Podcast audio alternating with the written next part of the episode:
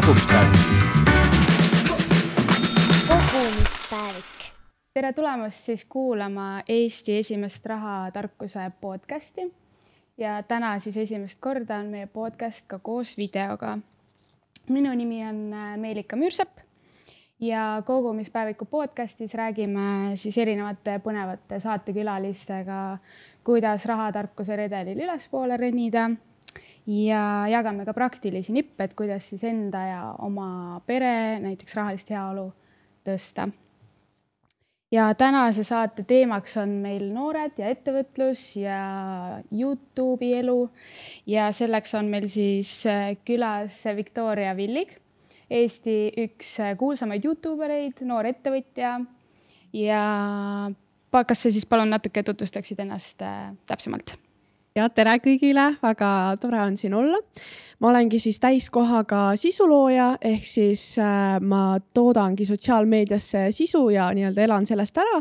Äh, mu põhiplatvormid on Youtube ja Instagram, videoid olen juba teinud siis üheksa aastat, et ma ütleks, et filmindus on mu see kõige suurem kirg ja lisaks ma olen ka koolitaja, et ma teen omaenda kuidas alustada edukat Youtube'i kanalit äh, koolitust. väga tore Äh, enne kui me siis nii-öelda tõsisemate küsimuste ja teemade juurde lähme, äh, siis meil tavaliselt on saate alguses traditsiooniks küsida nii-öelda igalt saatekülaliselt kolm põnevat küsimust mm. -hmm. ja mina siis alustan lauset ja sina lõpeta ja proovi siis võimalikult põnev vastus anda meie okay. kuulajatele ja vaatajatele. Äh, sinu esimene taskuraha ma arvan, et see oli siis, kui ma läksin kooli ehk esimeses klassis, sest mul oli vaja saada natuke raha, et süüa lõunat enne trenni või midagi. ja siis olid veel kroonid, et ma sada protsenti kindel ei ole, aga sihuke ähmane mälestus on, et see võis vist olla kakskümmend viis krooni nädalas. kui see kellelegi midagi ütleb okei nii järgmine küsimus siis, et viimati kogusid raha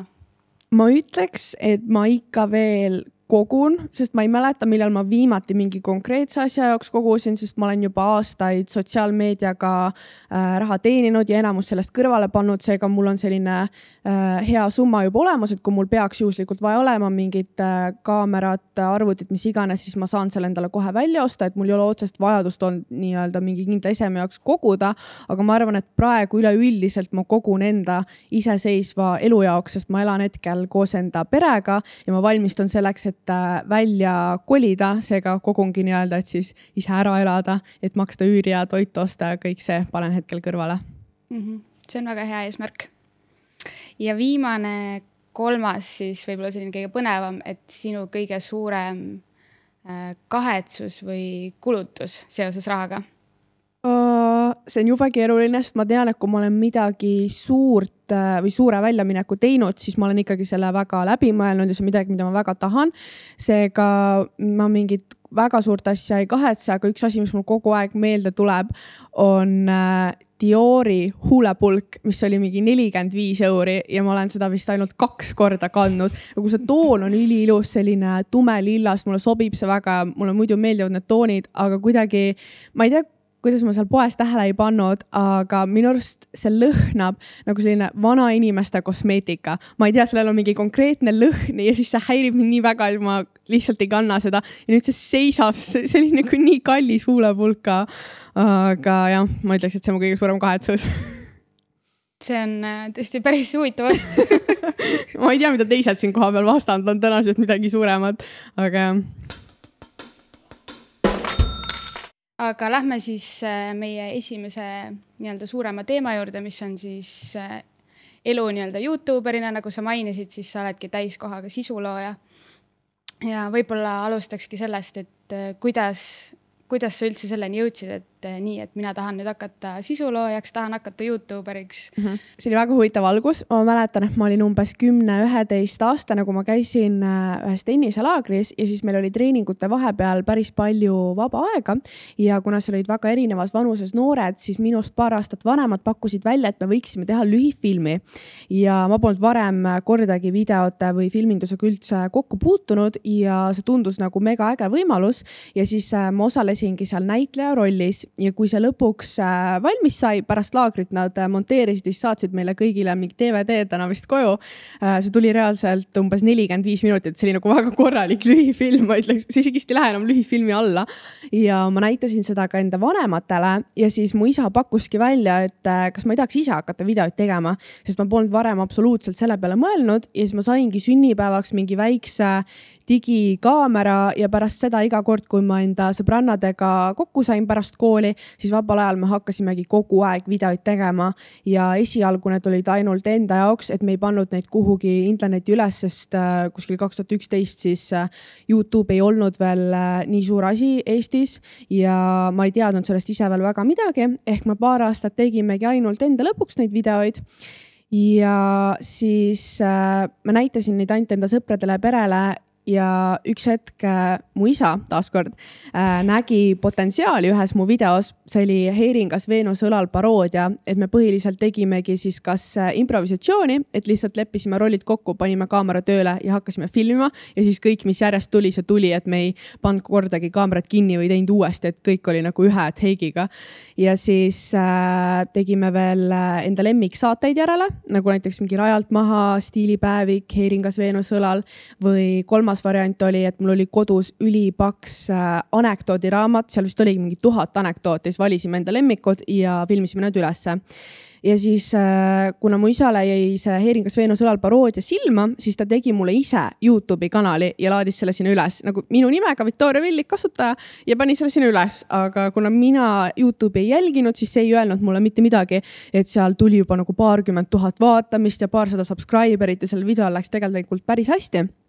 ja mina jätkasin kogu aeg videote tegemist enda lõbuks. Ja siis läks jälle paar aastat mööda ja ma arvan, et see oli kaks tuhat neliteist, kui äh, mina ja mu sõbrad hakkasime ise ka reaalselt Youtube'i jälgima, see kasvas äh, Eestis äh, palju suuremaks, populaarsemaks. Ja ma sain väga palju inspiratsiooni just nendest suurtest välismaa USA Youtube eritest. ning siis ma mõtlesin, et okei okay,, nüüd võiks hakata ise ka spetsiaalselt Youtube'i sisu looma ja tegelikult esimene kanal, mis ma ise lõin, oli hoopis grupikanal koos nende samade sõbrannadega, kellega me siis vabal ajal filmisime. selle nimi oli High Five, see kanal on ikka veel alles, kõik videod on üleval. Ja ma arvan, väga paljud ei tea, et see oli tegelikult mu esimene kanal, sest äh, me tegime seal siis aasta aega aktiivselt äh, tegutsesime. Ja me läksime suhteliselt kiiresti ka inglise keele peale üle, sest me arvasime, et see on see viis, kuidas äh, kasvada suureks ja saada hästi palju jälgijaid, aga tegelikult äh, ma avastasin, et äh, eestlased eelistavad eestlasi vaadata inglise keeles, et keegi ei taha näha eestlast inglise keeles rääkimas. et nagu mm. välismaalasi on okei okay vaadata inglise keeles, aga mitte eestlasi äh,. pluss ma olin ka umbes kaheteist ei siis ma olin, vabandust, hiljem neliteist, viisteist ja ma ei, mul ei olnud veel oma kindlat päris suunda, et ma ei teadnud, mida ma teha tahan, seega me lihtsalt vaatasime, mis on parasjagu Youtube'is äh, populaarne. näiteks läksime sinna trending page'ile, vaatasime, okei okay,, praegu näiteks on mingi kooliteemalised videod, siis me tegime täpselt sama, et me ei olnud üldse loovad. ja siis noh, ma arvangi, et see ingliskeelne sisu ja nii-öelda natuke teiste kopeerimine ei läinud väga peale ja siis aasta ajaga me saimegi viissada subscriber'it, mis äh, minu jaoks oli suhteliselt äh, vähe, kuna ma jälgisin veel teisi väiksemaid, näiteks Soome Youtube ereid ja nemad paari kuuga juba kasvasid äh, paari tuhande peale, kui meie olime ikka veel seal paarisaja juures. ma sain ka aru, et see kanal kasvab liiga aeglaselt. pluss ma märkasin, et mu sõbrannade huvi hakkas täiesti ära kaduma, et neil olid täiesti omad äh, huvid ja siis me sõbralikult lõpetasimegi tegevuse sellel kanalil ja kuna ma tundsin, et minul ikkagi on see huvi ja kirg äh, olemas, ma tahan videoid edasi teha, siis ma jätkasin alustasingi alles enda individuaalsel kanalil Victoria Villig, mis äh, praegu ongi minu kõige suurem kanal, mida ma arvan, kõige rohkem ka seostatakse, kui minu nime kuuldakse. ja see kasvas äh, tohutult hästi, sest ma muutsin ka enda žanrit, ma esiteks läksin eestikeelseks ja teiseks äh, ma hakkasin tegema originaalseid naljasketše, et ma mõtlesin täiesti ise need kontseptsioonid välja ja põhiliselt tegingi siis kooliteemalisi, sest ma ise käisin sel ajal koolis ning samastusin sellega kõige rohkem, minu vaatajad äh, samastusid selle sisuga ja siis kümne kuuga ma sain kümme tuhat subscriber'it ehk see kasvas nagu tohutult. nagu üks asi oli kindlasti ka ajastus, sest see oli kaks tuhat kuusteist sügis, kus Eesti Youtube plahvatas, siis kerkisid esile ka teised äh, Eesti Youtuberid nagu Maria Rannaväli äh,, Sniff äh,, Gregor Lillemets, Carlos Kolt, kes kõik selle all aktiivselt tegutsesid. ja nii ma ütleks, oligi minu algus ja mul kordagi ei olnud mõttes seda, et ma tahan, et minust saaks sisulooja või ma hakkan Youtube'iga karjääri tegema, sest sel ajal see, sellist võimalust isegi ei olnud, ma, ma ei teadnud, et sellega on võimalik raha teenida. ma lihtsalt ise nautisin nii väga videote tegemist, mulle meeldib see kontseptsioon, sest seal on kuidagi kõik minu huvid äh, kokku pandud, et mulle meeldib äh, see, et ma saan ise selle video nii-öelda kirjutada selles stsenaariumis, ma saan näidelda, ma saan filmida, ma saan monteerida, ma saan seda turundada, ma saan graafilist disaini teha, thumbnail'i teha nagu kanali disainiga. et ma olen väga varieeruv inimene, mulle meeldib hästi palju erinevaid asju teha ja seal ongi see, et sa ei pea kuidagi ühte asja tegema, et sul on nii palju erinevaid ägedaid ja siis ma ei tüdine sellest kunagi ära. ja hiljem pigem äh, tuli kõik see koostööd, asjad juurde ja jah, et alguses ma kindlasti ei mõelnud sellele et sa rääkisid, et äh, see kanali kasv on nagu oluline, et seda sa jälgisid selle esimese kanali puhul ja teise kanali puhul. et äh, kas sinu jaoks on nagu see follower'ide arv Äh, väga oluline või pigem on sinu jaoks olulisem see, et see, mida sa oma kanalis kajastad, et see oleks nagu see, mis sulle enda, endale meeldib ja mm., ja sulle endale ka nagu inspiratsiooni pakub? Ma arvan, et äh, mõlemad asjad on olulised, et ma ei saa võtta ainult ühte, sest kui ma jälgiks ainult jälgijaid, siis on see, et ma tõenäoliselt kaotaks ise huvi, kuna ma hakkan tegema ainult seda sisu, mida teised tahavad näha ja ma ise ei naudiks. aga samas, kui ma teen ainult seda, mis nii-öelda ainult mulle meeldib äh, ja üldse ei arvesta enda jälgijaskonnaga, siis see kanal ei ole nii edukas ja kui ma tahan seda täiskohaga teha, et see on minu töö, siis ma pean arvestama natuke ka enda jälgijate soovi, et see nii-öelda tasuks ära ja mul numbrid oleksid äh, stabiilsed ja et ma saaksin üldse koostöid. aga ma kindlasti ei äh, vaata ainult seda, et keegi ütleb, et tee mingisugune challenge, mis mulle üldse peale ei lähe, siis ma ei hakka seda ainult vaatamiste pärast tegema, et ma proovingi seal kompromissi leida. et äh, vaatan näiteks, et mulle meeldivad äh, mingi kokkamis äh,, kokkamisteemalised videod ja siis äh, vaatan, et mu jälgijatele meeldivad just rohkem näiteks snäkid, siis ma ei hakka sinna mingit kolmekäigulist õhtusööki filmima, vaid ma pigem näitan rohkem snäkiretsepte, et proovin mõlemat äh, poolt arvestada sa korra mainisid nüüd ka et neid koostöid et millal äh, üldse sa alustasid koostööde tegemisega või kaua sul võttis aega, et, et see Youtube'i kanal hakkaks äh, nii-öelda sulle raha teenima mm.? kui kaks tuhat kuusteist oli see tohutu buum Eesti Youtube'is äh, ja mu kanal kasvas sinna kümne tuhande subscriber'ini, siis ma arvan, et see oli äh, umbes pool aastat pärast seda, et kaks tuhat seitseteist äh, kevad, kus äh, tekkis Greatly kommuun ja nad otsisid siis äh, talente, keda enda kommuuni saada. ja ma olin ka üks esimesi, kes nendega lepingu sõlmis, mis tähendas, et ma sain endale siis nii-öelda agendid või esindajad, kes seisid minu eest koostööpakkumistes, suhtlesid nii-öelda, tõid mulle koostööpakkumisi sisse ja mu esimene koostöö või esimene asi, mille eest ma raha sain, oli siis, ma arvan, kaks tuhat seitseteist sügis, kui toimus äh, Eesti Youtuberite live show, siis mulle maksti kui esinemise eest ja pärast seda tuli kohe ka mu esimene koostöö, mis äh, oli Teliaga. Äh, ma mäletan jah, see oli Youtube'i videot, nad siis sponsoreerisid, ehk siis noh, videoid ma olin selleks hetkeks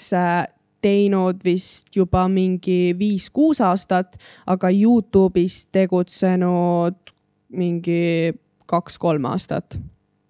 no ikka päris pikalt, ütleme nii okei okay., aga kas sa praegu vastutad nii-öelda ise oma nende koostööde eest ja valid ise, kellega sa tööd tahad teha või on sul ikka veel agendid või inimesed, kes seda sinu eest teevad? Äh, nüüd, kus ma siis äh, täiskohaga tegelen sisuloomega, on mul äh, rohkem aega, kuna kui see tohutu buum toimus, siis ma käisin äh, gümnaasiumis, mis tähendas, et mul, ma ikkagi täiskohaga õppisin ja kõik muu oli rohkem hobi. ja siis mul ei olnudki nii palju aega ja need agendid pakkusid mulle väga suurt väärtust, nad hoidsid aega kokku selle suhtlemise osas, kõik need kohtumised, asjad, et mina sain ka keskenduda ainult sisuloomele. aga nüüd, kui mul on rohkem aega, siis äh, mul enam ei ole kellegiga sellist lepingut, et ma täitsa ise esindan ennast, ise suhtlen kõikide klientide ja brändidega äh,, teen kohtumised, asjad äh,, arutan, sõlmin lepingud okei okay., ja alguses äh, mulle pakkus huvi see, sa rääkisid, et sa teed ka koolitusi noortele. et äh, kuidas äh, siis nii-öelda Youtuberiks saada või millest alustada, et võib-olla mõned, kes meid praegu kuulavad, on ka mõelnud, et tahaks, ma ei tea, tahaks ka hakata sisu looma või tahaks ka hakata Youtube'i videosid tegema, aga ei oska millestki alustada mm. -hmm. et eh, võib-olla sa oskaksid natukene rääkida, et eh, mida sina soovitaksid, et kui on selline noor nagu sinagi, et kes tahaks sellega alustada, siis mida võiks teha?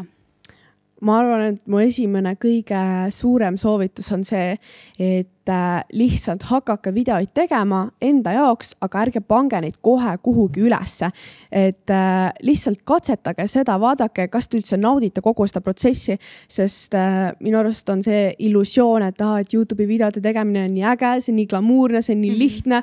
see on mingi unistuste töö, aga see ei ole üldse nii lihtne, et tegelikult sul peab väga suur enesedistsipliin olema, et sa üldse suudad ennast motiveerida kogu aeg tööd tegema järjepidevalt. et sa pead ikkagi konstantselt seda sisu ju üles laadima. Ehk äh, ja paljudel ma olen kuulnud, just monteerimine tekitab stressi, et väga mitmed inimesed ei naudi seda, olen mina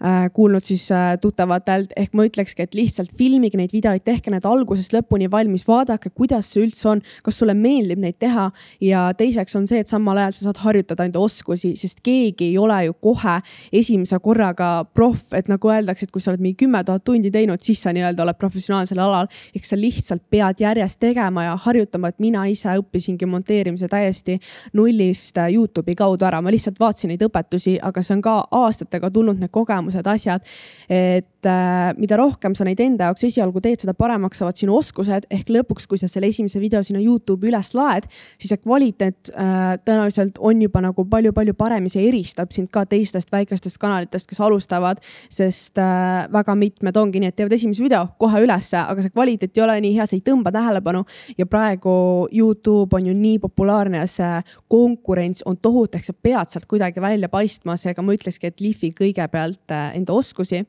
ja siis äh, teine kõige suurem soovitus oleks see, et proovi välja mõelda mingi kindel suund. et kui sa teed kõike, mingeid challenge eid, kokkamist, sporti, ma ei tea, ajalugu, mida iganes, siis sul läheb liiga laiaks see spektrum ja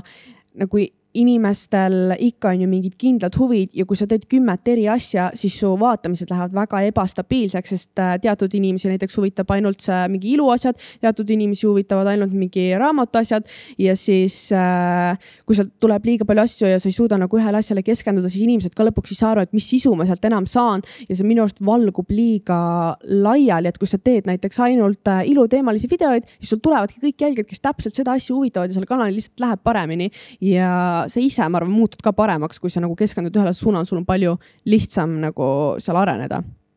et need oleks mu kõige suuremad soovitused no,. Need on väga head, kindlasti väga head soovitused kõigile, kes tahavad alustada. aga ma arvan, et nüüd võib-olla kõige põnevam küsimus, eh, mis eh, alati mõeldakse, kui vaadatakse Youtube ereid, et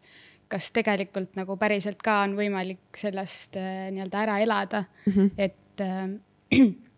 kas sina äh, oled praeguseks hetkeks juba näiteks saavutanud selle taseme, et äh, sa selle sisu loomisega ja Youtuberiks olemisega äh, elad ära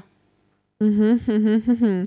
ja ma olen ise ka väga palju neid äh, küsimusi saanud nii Q and A-des kui videote kommentaarides ja ma ütleks, et see on tegelikult väga suhteline, sest see oleneb ju sellest, et mis su elustandard on ja millised on sinu nõudmised, et ma ütleks, et jah, ma saan ära elada küll, ma suudan, suudaks endale üüri ära maksta, toitu osta, aga kuna minul äh, võib-olla on keskmisest natuke kõrgemad standardid, sest jah, mul on väga vedanud äh, üleüldiselt eluga, et me perel läheb väga hästi ja äh, ma olen elanud oma majas ja nüüd elan kesklinnas korteris, et see nii-öelda elustandard, millega ma harjunud olen, on päris hea, seega ma ise, kui ma välja kolin, ma ei taha, et see nagu halvemaks muutuks, seega mul on suhteliselt suured juba ootused. ja ma tunnen, et selleks, et elada sellist elu, nagu mina tahan ja et mina oleks õnnelik, siis äh, ma ei ela ära. et äh, mul ei jääks äh, praeguse seisuga vaba raha üle, et reisida või mingit äh, kaameratehnikat osta, kui mul kohe vaja on, et see tähendakski seda, et ma pean kuid või aastaid koguma, enne kui ma saan midagi osta et äh, selles suhtes ei elaks ära, aga kui ma võtaks mingi väikse ühetoalise korteri, sööks äh, või noh, hoiaks rahaliselt kokku, sööks võimalikult noh, odavalt, ma ei tea, mingi makarone, siis nagu elaks küll ära. et äh, see nii olenebki, et mida sa ootad ja ma üks hetk hakkasin ise ka mõtlema et kuidas see seis üldse Eestis on. Ja nii palju, kui mina olen näinud või oma tutvusringkonnast tean, siis ma ütlekski, et tegelikult Eestis sotsiaal, ainult sotsiaalmeediaga ei ela ära, sest äh, need inimesed, kes äh, nii-öelda noh, Youtube erid, influencer'id, äh, kes elavad oma pea, siis neil on tavaliselt see, et nad elavad kellegagi koos, neil on elukaaslane, kellega koos nad jagavad neid kulusid ja siis elukaaslasel on tavaliselt mingi muu valdkond, mida ta teeb või midagi lisaks. või siis, äh, kui nad isegi on üksi, siis nad teevad midagi muud sotsiaalmeedia kõrvalt, et nad ei tee seda täiskohaga. või siis kolmas variant on, kes teevad seda täiskohaga, nad elavad kõik kodus või pere toetab neid. ehk ma tegelikult ei teagi kedagi, kes täiesti sellest ära elaks ja mul endal on ka see, et koolitused on ikkagi üks kolmandik mu sissetulekust, äh, mis annab juurde. et kui ma selle välja jätaksin, mõtlen ainult sotsiaalmeediat, siis ma ütleks ka kohe ei. aga see on lihtsalt sellepärast, et äh, Eesti on nii väike, eriti kui sa teed eestikeelset sisu, siis sul see jälgijaskond on piiratud piiratud, need võimalused, kuhu sa saad kasvada, on piiratud.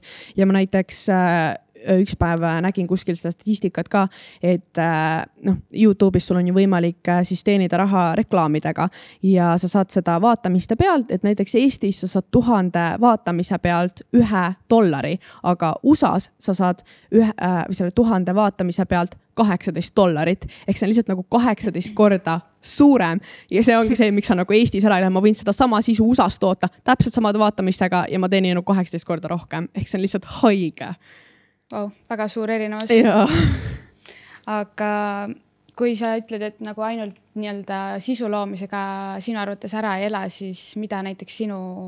nii-öelda tulevikuplaanid toovad, et kui kaua sa kavatsed nii-öelda Youtuber olla või mm -hmm. videosid teha ja, ja mida sa plaanid lisaks veel teha?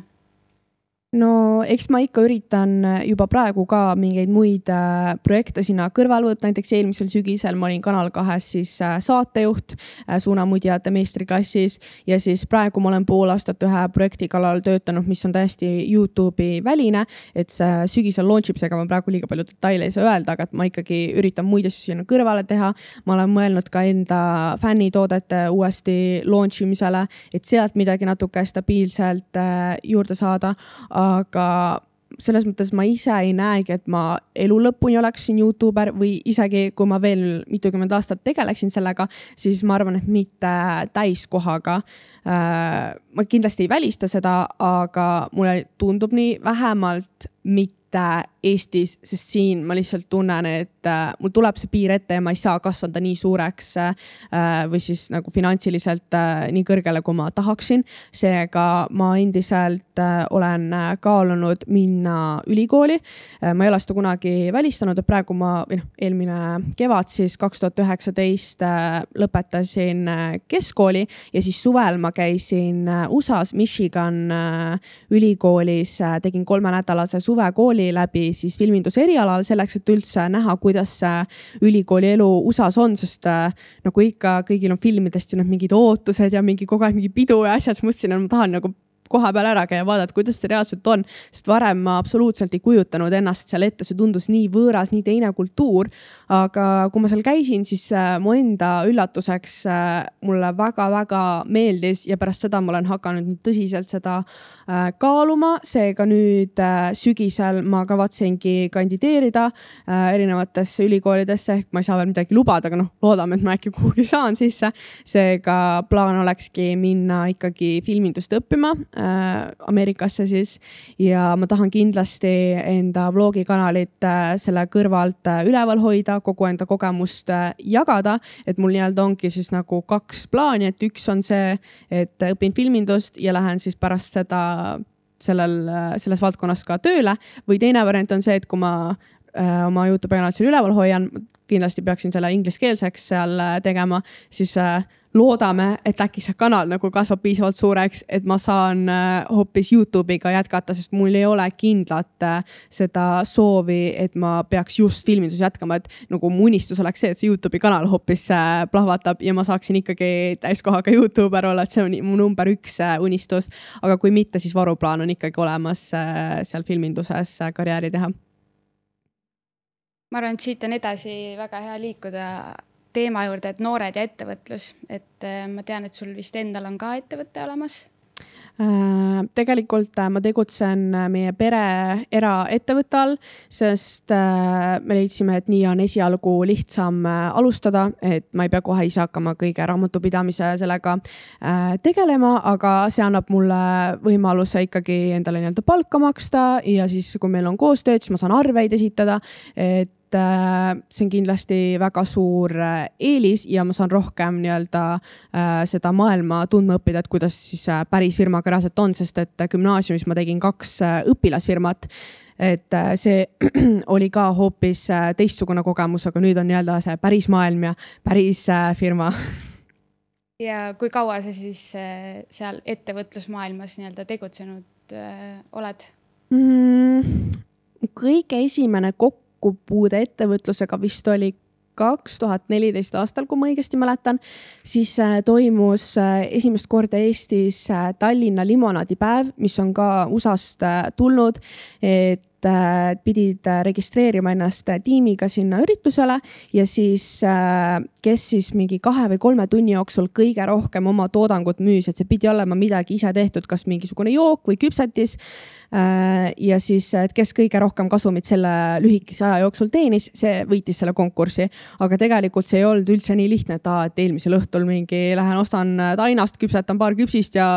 pressin limonaadi, lähen kohale ja siis teen ära. vaid tegelikult see oli ikkagi, ma ütleks mitu nädalat, kui mitte kuu aega ettevalmistust, et arvestada, et mis kogust sa reaalselt kavatsed teha, siis kus sa üldse saad kokku täpselt äh, nii palju kliente, et sul jääks toitu üle äh, ja ei tekiks neid jääke, ehk sa pidid tegema ka turundust ja siis see, et kuidas kuidas sa paistaksid silma, kui sul on äh, kolmkümmend letti järjest, kes kõik müüvad sedasama limonaadi, et miks inimesed just sinu oma peaksid tulema ostma. et äh, siis me ise vist ehitasimegi endale leti ja värvisime ja mingid õhupallid juurde ja siis, et meil oleksid ühtemoodi kõigil särgid ja et me näeksime samasugused välja ja siis sa harjutad seda müügikõne ja siis, äh, et see oli tegelikult päris suur ettevalmistus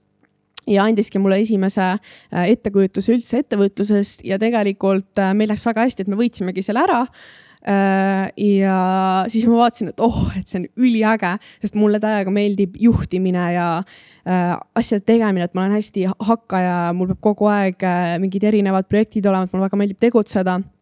Ja siis pärast seda ma ka äh, hakkasingi otsima erinevaid ettevõtlusprogramme äh, ja ma olengi läbinud väga mitmeid äh, häkatone, siis äh, nädalaajane tehnoloogiaettevõtlus äh,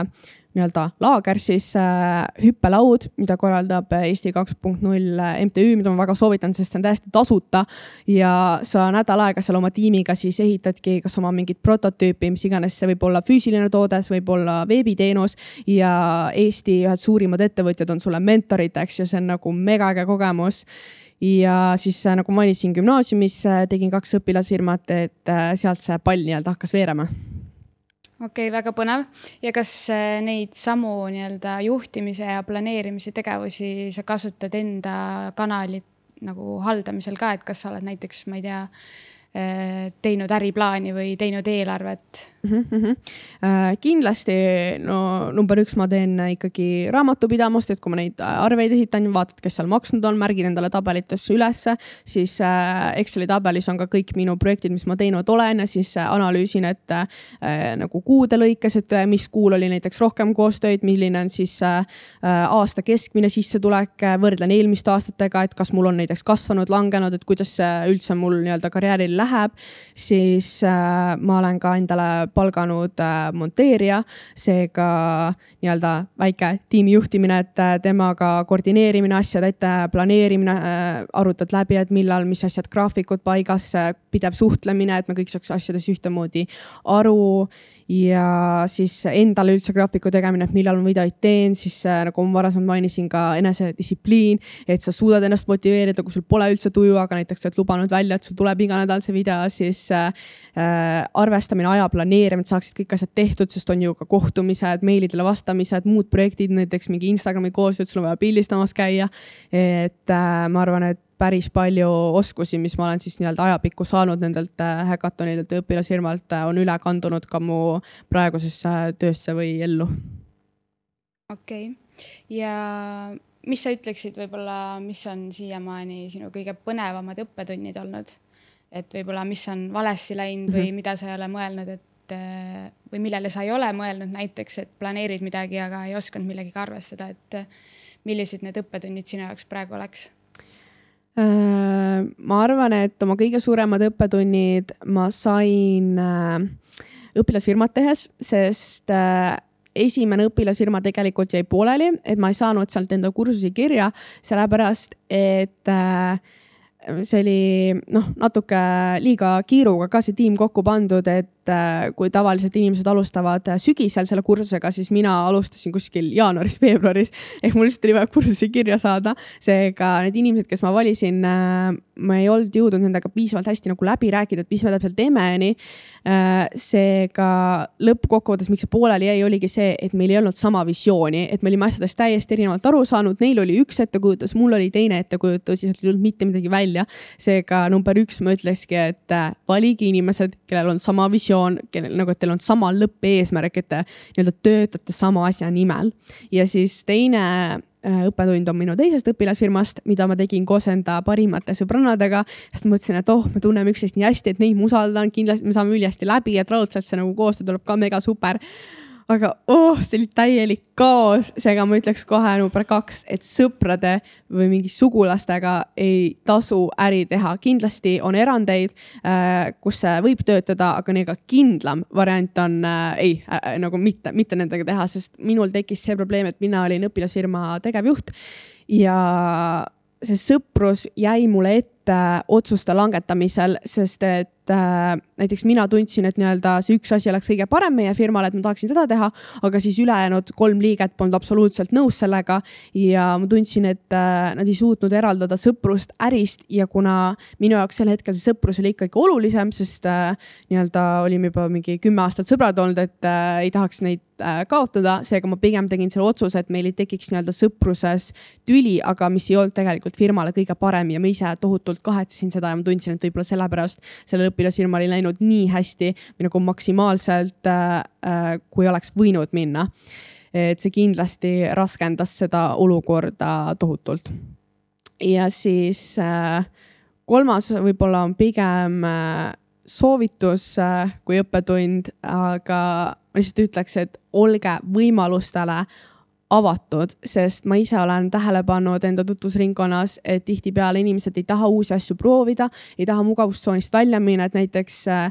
mina olen selles mõttes tõesti jah, väga julge ja ettevõtlik inimene, et mina tahan kohe kõike katsetada, ma nagu armastan, kui ma saan täiesti võõrasse olukorda nii-öelda pea ees nagu ette hüpata. et see pakub mulle just adrenaliini, mis iganes keskkonnavahetused, treeningute vahetused, ma olen elu jooksul ka nagu kolmes eri koolis käinud, mingi kümmet erinevat trenni proovinud, nagu minule pakub see nii palju lõbu, seega ma ei saa vahepeal aru, et kuidas teistel sama ei ole, siis näiteks ongi nii, et kui ma Facebookis leian jälle mingi uue ägeda häkatoni või mingi ettevõtlusalase mingi äh, selle programmi, siis ma tavaliselt kutsun ka mõne sõbra kaasa, et saadan neile näiteks need Facebooki invite'id või kirjutan Messengeri ja siis nad on tihtipeale mingi ma ei viitsi või ma ei saa ja siis ma olen lihtsalt mingi, sa magad elus nii palju maha, kui sa ei käi erinevatel asjadel, sest et äh, mitmetel, kes nii-öelda ei viitsi kuskil käia, on see, et neil ei olegi näiteks hobisid, nad ei tea, mis neile meeldib, aga see on sellepärast, et nad ei käi proovimas. mul on see, et mina olen nii palju erinevaid asju proovinud, ehk ma tean täpselt, mis mulle ei meeldi ja mis mulle meeldib, aga sa ainult selle kaudu saadki teada, kui sa proovid, sa katsetad, et ma ütlekski, olge julged ja nagu lihtsalt proovige neid erinevaid, mis iganes äh, gümnaasiumis ju antakse äh, kursused, sul on nii lai valik, et see on ülihea aeg katsetamiseks täpselt enne ülikooli, et näha, mis valdkond sulle võib huvi pakkuda või ongi väga palju on tasuta huviringe või mingeid üritusi, asju, et lihtsalt olge julged, minge, mis siis, kui su sõbra ei tule, mine üksi, saad nagu, see sunnib sind just äh, teistega rohkem suhtlema, sa leiad uusi tutvusi, et see kontaktvõrgustik on ka tegelikult nii oluline. no ma arvan, et need on küll nagu super head soovitused et äh, ma arvan, et ma võin isegi siit nii mõnegi kõrva taha panna, ma arvan, et mul endal on ka just see, et äh, pigem on nagu äh, väikene nagu kartus just nende uute olukordade ees ja uute inimestega suhtlemine. aga ma arvan, et see on hea soovitus, et lihtsalt minna ja teha sest ma ütleks, et äh, sa ei kahetse seda kunagi, pigem on see, et sa istusid selle nädalavahetusel kodus, kui et sa käisid kuskil üritusel, okei okay,, võib-olla sa said äh, teada, et äh, see asi ei huvita sind ja sa ei saanud ühtegi sõpra, aga vähemalt nüüd sa tead, et sa oled selle ära proovinud ja see ei ole sinu asi. aga kui sa lihtsalt terve nädalavahetusel kodus istud, vaatad seda Netflixist nagu, mida sa sealt teada said, kuidas see sinu tulevikule kaasa aitab? see on õige, jah. aga kas sa plaanid nüüd tuge, tulevikus äh, oma ettevõtte ka millalgi luua mm? -hmm. me oleme seda kaalunud äh, küll ja ma kindlasti ei välista, eriti näiteks kui ma lähen USA-sse, siis tõenäoliselt oleks lihtsam, kui mul on seal mingi ettevõte, kui ma hakkan näiteks kohalike brändidega koostööd tegema. ja ma olen mõelnud, et äh, kui ma selle protsessiga alustan, siis ma kindlasti tahaksin seda ka sotsiaalmeedias kajastada. Äh, näiteks enda vlogi kanalil nii-öelda sammudena, et ka teised näeksid, kui lihtne seda tegelikult teha on ja ka inspireerida teisi seda teed äh, ette võtma et praegu sinu nagu jutust kõlab, et äh, sa oled superenergiline ja kõik kõik, mis sa teed, nagu on lahe ja, ja läheb nagu hästi. aga võib-olla äh, tahaks teada, et äh, kes on sinu eeskujud või kellelt sina nagu nii-öelda eeskuju võtad, et mida nüüd järgmisena teha või kellelt sa nõu küsid mm? -hmm no selles osas mul on nagu väga-väga vedanud, ma ise ka ei tea kuidas mul nii palju vedanud on, et mu enda suguvõsa on lihtsalt mulle nii suureks äh, inspiratsiooniks, et ma arvan, et äh, inimestele võib-olla kõige rohkem ütlevad nimed Martin ja Markus Villig, siis Boldi asutajad, Eesti ükssarvik äh, startup'e ning äh, kuna mul endal nii-öelda peres sees on juba nii suured äh, ettevõtjad, siis äh, väga palju asju ma konsulteeringi just nendega, sest nad on nii avatud mõttemaailmaga, nad on üliloovad, neil on nii head lahendused kõigele. ja reaalselt ma ütlekski, et mu isa ja onu on mu kõige suuremad eeskujud, sest nad on ka väga ettevõtlikud, väga töökad ja eriti just isa, sest tema, noh, ma näen igapäevaselt, puutun temaga kokku ja arutan kõige rohkem enda karjääri asju ja esiteks ma näen juba tema enda sellest äh, nii-öelda noh, karjäärist, et kuidas tema alustas juba väga-väga väikselt. hakkas äh, pudeleid korjama, raha ära viima, et see ei olegi see, et kohe hakkas mingit firmat tegema, vaid muud väiksed asjad, kuidas ta oli hästi leidlik, kuidas nii-öelda raha teenida, kuidas äh, saada need asjad, mis ta on unistanud, mis iganes mänguasjad. ja ta ise on tohutult minu karjääri toetanud, nagu ma varasemalt mainisin, et tema just soovitaski mul hakata videoid tegema, tegi mulle esimese Youtube'i kanali, et tohutult julgustas ja kunagi ei ole äh,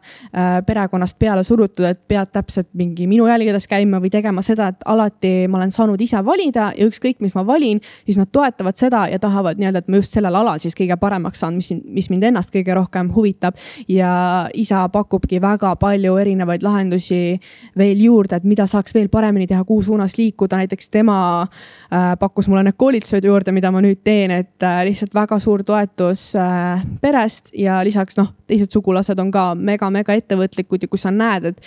sinu kõige lähedasemad inimesed tegutsevad nii palju, kogu aeg teevad midagi, siis sa nagu tahad ka teha ja see pisik on juba väiksest peale nii-öelda, ma arvan, minusse sisse kasvanud või juba õpetusest ka tulnud ja äh, lihtsalt ma arvangi, see pere julgustus ja nii suured eeskujud kodus juba olemas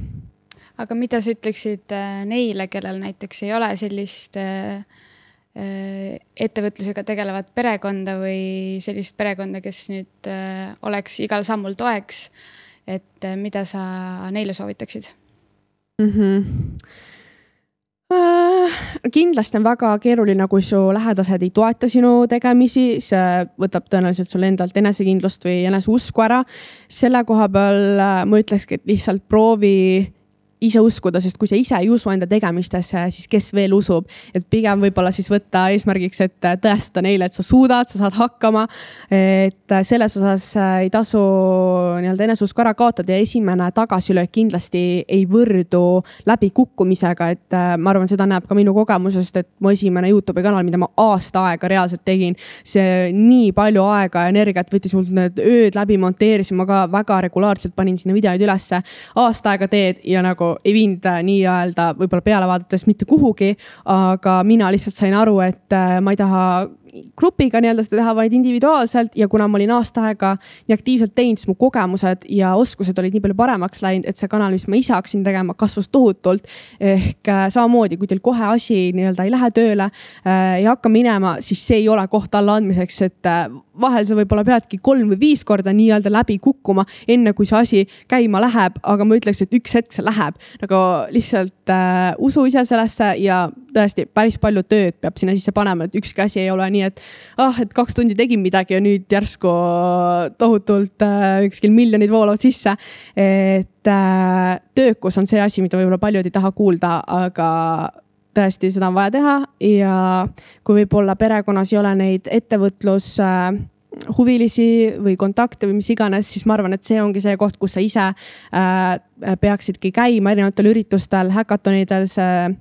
Junior äh, Achievement äh, korraldab minu arust päris mitmed, mis on tasuta, siis äh, Changemakers Akadeemia on väga hea, see on mitmekuuline ettevõtlusprogramm, siis hüppelaud, kus ma ise osalesin. et tegelikult neid asju leiab, päris paljud neist on tasuta ja see ongi just see, kus sul on need mentorid, kes juhendavad sind, et kui sa ise tõesti ei teagi, millest alustada, kust alustada, siis nad tohutult pakuvad tuge ning lisaks sa võid leida endale sealt hoopis tiimi, kellega koos äh, hakata mingit äh, õpilasfirmat või ettevõtet äh, alustada ja kõige parem asi, mis ma soovitan, ongi gümnaasiumis lihtsalt õpilasfirma kursus läbi teha. sest see on palju väiksem mastaap, et sul ei ole nii suurt riski, nii suuri rahalisi kulutusi, aga sa saad ettekujutuse, kuidas see nii-öelda reaalselt toimib ja väga mitmed õpilasfirmad kasvavad hiljem ettevõtteks, et see on lihtsalt super koht, kus alustada ühesõnaga, sinu põhilised soovitused on siis, et äh, proovida ja mitte alla anda. see on väga hea. ja võib-olla siis äh, viimane selline äh, praegu aktuaalne teema ka, et eriolukord on küll nüüd läbi, aga aga kuidas äh, see näiteks äh, sinu tegemisi mõjutas või kuidas sa näed, et kuidas see üleüldiselt noorte mingeid rahaasju mõjutas? No kindlasti ma ütleks, et see mõjus kõigile pigem negatiivselt, sellepärast et ju nii paljud asjad jäid pausile. Äh, muidugi on erandeid, teatud valdkondadel läks äh, väga hästi, et oleneb, kus keegi töötas või mis ta tegi, aga ma ütleks üleüldiselt negatiivselt. ja minu enda tegemistes äh, ma kindlasti nägin et äh, koostööpakkumise või see koostööpakkumiste arv, mis äh, mulle tavaliselt nii-öelda tuleb, et see tohutult äh, langes ja väga mitmed projektid pandi kas pausile,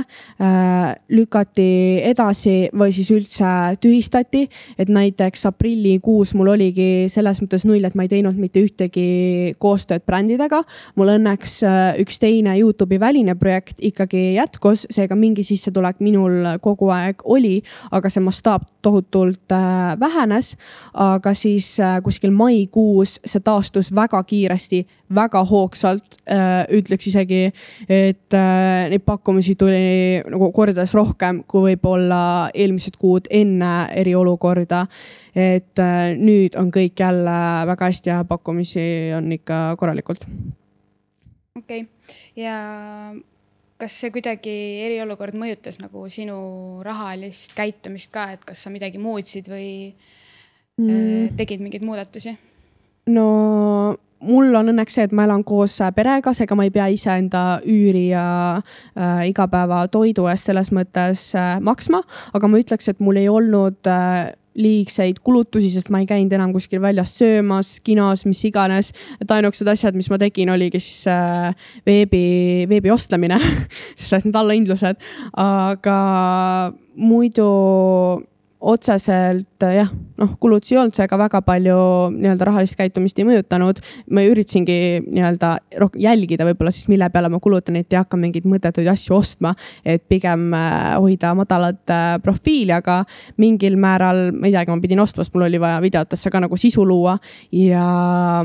videote osas, äh, kuna ma olen harjunud kodus töötama, mul ei ole enda mingit kontorit või stuudiot, et kogu sisu, mis ma tavaliselt toodan, ongi siis oma kodus, siis seda see mul õnneks ka ei mõjutanud, ma sain ilusti jätkata äh, pildistamist, videote tegemist. võib-olla kõige keerulisem oli just nende kontseptsioonide välja äh, mõtlemine, sest et varasemalt ma olin harjunud, et mingi osa on kodus filmitud, aga ülejäänud asjad on ikkagi väljaspool kodu, et kui ma käin kuskil üritustel või reisil, siis ma näitan väga palju ka seda osa enda elust. aga nüüd oli see, et sa pead iga nädal seal samas toas selle video tegema, siis ma olin nagu, mida ma siin juba näitan. et see oli, ma arvan, kõige keerulisem, aga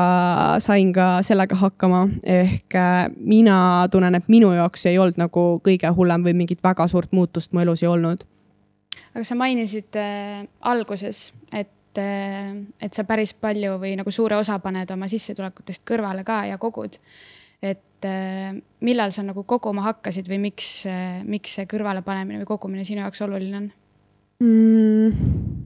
ma arvan, et ma hakkasingi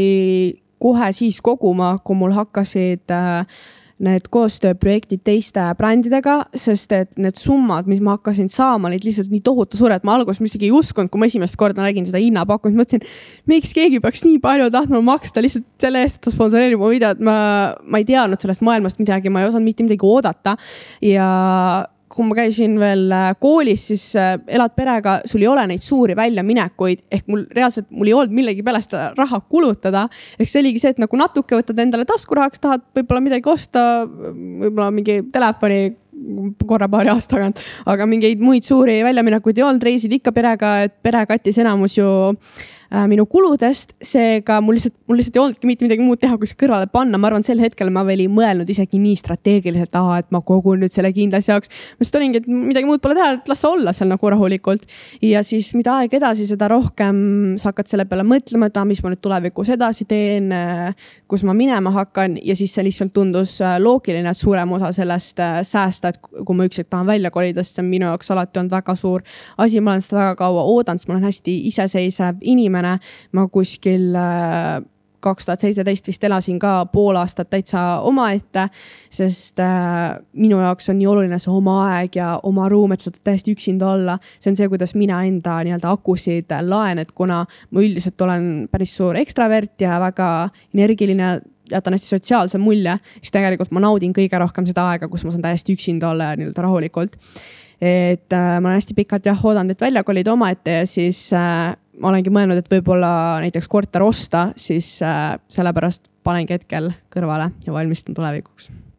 see on äh, hea nagu kuulda, et sinu jaoks on see säästmine kuidagi loogiline. et mina hakkasin ka ise nii-öelda raha siis regulaarselt kõrvale panema umbes kaks aastat tagasi. aga äh, enamus noorte jaoks ju see ei ole nii loogiline, et tavaliselt, kui ongi see esimene töökoht ja esimene palk, siis see ikka enamasti lüüakse laiaks suht kiiresti et eriti veel, kui sa mainisid, et äh, nii suured summad ja sa ei osanud mitte midagi selle rahaga teha, et siis äh, kuidagi nagu tundub ikkagi mitte päris nagu tavapärane nagu noore mõtlemine, et, äh, et okei okay,, et mul ei ole selle rahaga midagi teha, et ma panen kõrvale. et tavaliselt ikkagi noored leiavad, et leiavad ikka midagi, mille peale raha kulutada või kohe, kui sa saad selle esimese raha, et siis ma ei tea, ostan endale mingi uue kalli telefoni või uue kalli arvuti, et miks sa arvad, et äh, sinul just nagu selline teistmoodi mõtteviis on? no ma arvan, et lihtsalt see teekond, mida ma olen läbi elanud, on nii teistsugune, et väga vähe, vähesed inimesed samastuvad sellega. Äh, seega ma saangi täiesti aru, et äh, kui sa teenid võib-olla kordades vähem, siis kui need summad ei ole nii suured, siis sa saadki selle kohe riiete, mis iganes asjade peale ära kulutada ja sa ei tahagi sealt midagi kõrvale panna, sest kui need summad on väiksed, siis tundub, et ah, mis ma seal mingi kümme eurot ikka kõrvale panen, et mis see nagu aitab, et sama hästi ma võin ju mingi välja minna sööma. et seda ma täiesti mõistan ja kindlasti on ka see, et kui sa hakkad esimest korda raha teenima, siis sa lõpuks ometi ise tunned, et aa, nüüd ma, ma saan ise reaalselt valida või ma saangi osta selle asja, mis ma olen tahtnud. ehk kindlasti on ju asju, mida, millest sa oled unistanud, mida vanemad ei ole nõus ostma, nüüd sul on see võimalus. muidugi sa alguses ostad kõik need asjad, mis sa endale tahad, see ongi minu arust täiesti loogiline, aga mul on tunne, et üks hetk peaksid ju sul need asjad otsa saama, mida sa tahad et kui äh, pikalt äh, või kui palju sul neid asju et nagu sa, sa ei hakka kahte telefoni endale ostma, et see telefon ikka püsib sul paar aastat, et mis sa edasi ostad nagu. et äh, selles osas minule tundub see nagu loogiline, et sa hakkad kõrvale panema, aga võib-olla siis kui sul esialgu äh, sa ei saa aru, miks sa peaks panema siis võib-olla tasuks mõelda, et mis su nii-öelda eesmärk üldse elus on paari aasta pärast, et kuhu sa nii-öelda pürgid, et näiteks kui sa tahad kuhugi välismaal ülikooli minna, siis enamus kohtades sul on ju õppemaksud, et võib-olla hakata näiteks selleks kõrvale panema või ma ei tea, tahadki omale kodu osta või ise üürida, et lihtsalt mõelda natuke pikemalt, sest ma saan aru, et võib-olla alustad gümnaasiumi kümnest klass, mõtled, ah, mul on nii kaua aega, et elan perega, mis ma siin ikka, et äh, pigem kohe ostan need riided, lähen välja sööma, mida iganes, aga aga tegelikult äh, tasub pikemalt äh, ette mõelda, sest muidu on see, et sul jõuab see aeg kätte, kus sa võib-olla peadki välja kolima sul ei ole mingeid sääste, mis tähendab, et sul ei ole ka väga võimalusi. nagu sa ei saa väga palju valida, et kuhu ma elama lähen, sest sul on nii suur piirang juba ees. et äh, tasub mõelda tulevikule selleks, et sa saaksid ka siis õnnelik olla, mitte ainult nii-öelda hetkes sellega ma olen täiesti nõus, et eh, isegi kui sa oled noor ja ma ei tea, su sissetulek ei olegi nüüd mega suur, siis ikkagi tuleks nagu vaikselt hakata juba noorena nii-öelda oma säästusid koguma mm. -hmm. nagu võib-olla sul tuleb ükskord mõte, et tahad sõpradega reisile minna, siis äh, reis on kindlasti ju suurem äh, väljaminek, ma arvan, et see on paljude jaoks päris suur selline motivaator. et mind võib-olla aitab väga palju ka see, kui ma teen endale mis eesti keeles on, mingi motivatsiooni kollaaž äh, kuhugi seinale, ma mäletan, ükskord ma tegin A3 suuruses äh, ajakirjadest äh,, rebisingi välja kõik need pildid, mis seostusid minu eesmärkidega, et kõigepealt ma kirjutasin need kõik ülesse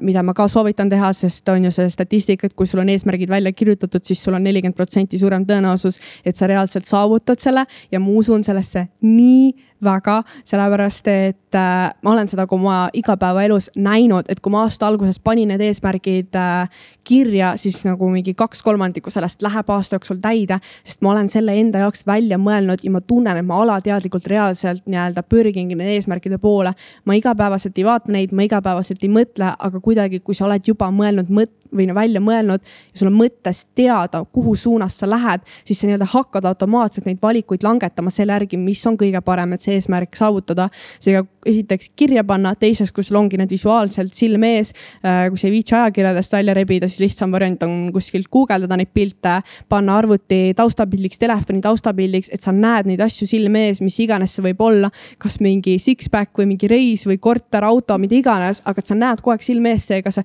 tuletab sulle meelde juba alateadlikult, et ah, et pane see raha kõrvale, mingi ma tahan seda autot saada või mis iganes. Need on head, head nipid jah aga kokkuvõtteks võib-olla sinu, ma ei tea, kaks-kolm soovitust või nõuannet äh, siis, et kui noor tahab hakata tegelema ettevõtlusega või siis võtta ette selle nii-öelda suunamudija või influencer'i elu, siis äh, mis need kokkuvõtvad soovitused oleksid sinu poolt? Äh, noh, need on natuke erinevad valdkonnad, seega ma võtan eraldi, et ettevõtluse osas on siis see, et selleks, et sa saaksid mingit õpilasfirmat ja päris firmat teha, sul on vaja probleemi, mida sa lahendad ja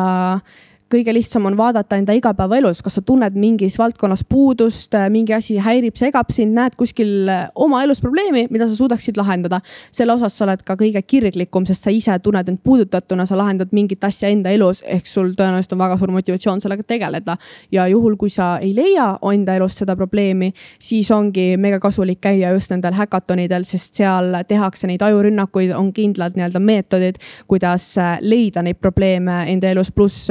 nagu ma varasemalt mainisin, see aitab sul ka tiimi leida inimesi, kellel on täpselt sama probleem ja teeb lihtsalt kogu asja lihtsamaks, et see on mega hea koht alustamiseks, samamoodi äh, õpilasfirma tegemine gümnaasiumis. aga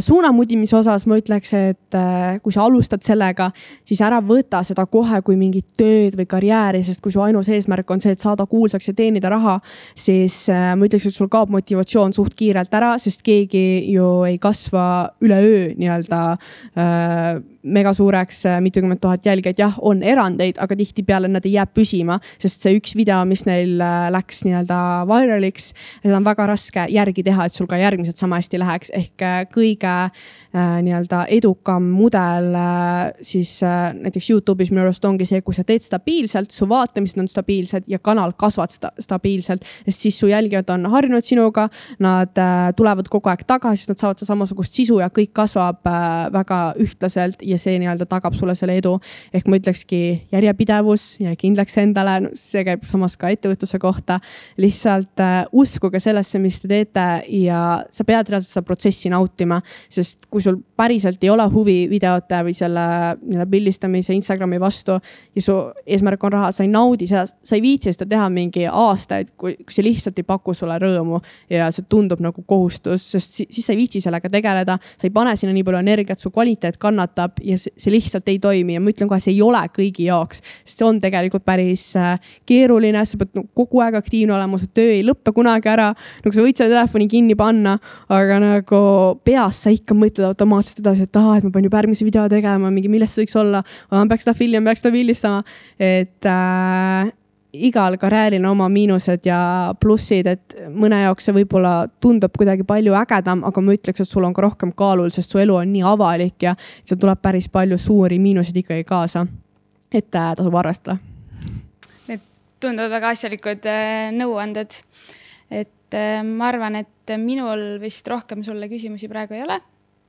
Ja suur tänu, et sa tulid siia. aitäh kutsumast. meiega juttu rääkima ja kõik siis, kes kuulavad või siis esmakordselt ka vaatavad meid, siis äh, pange kindlasti kogumispäeviku podcast'ile like. Äh, liituge meiega Facebookis ja minu poolt tšau. tšau.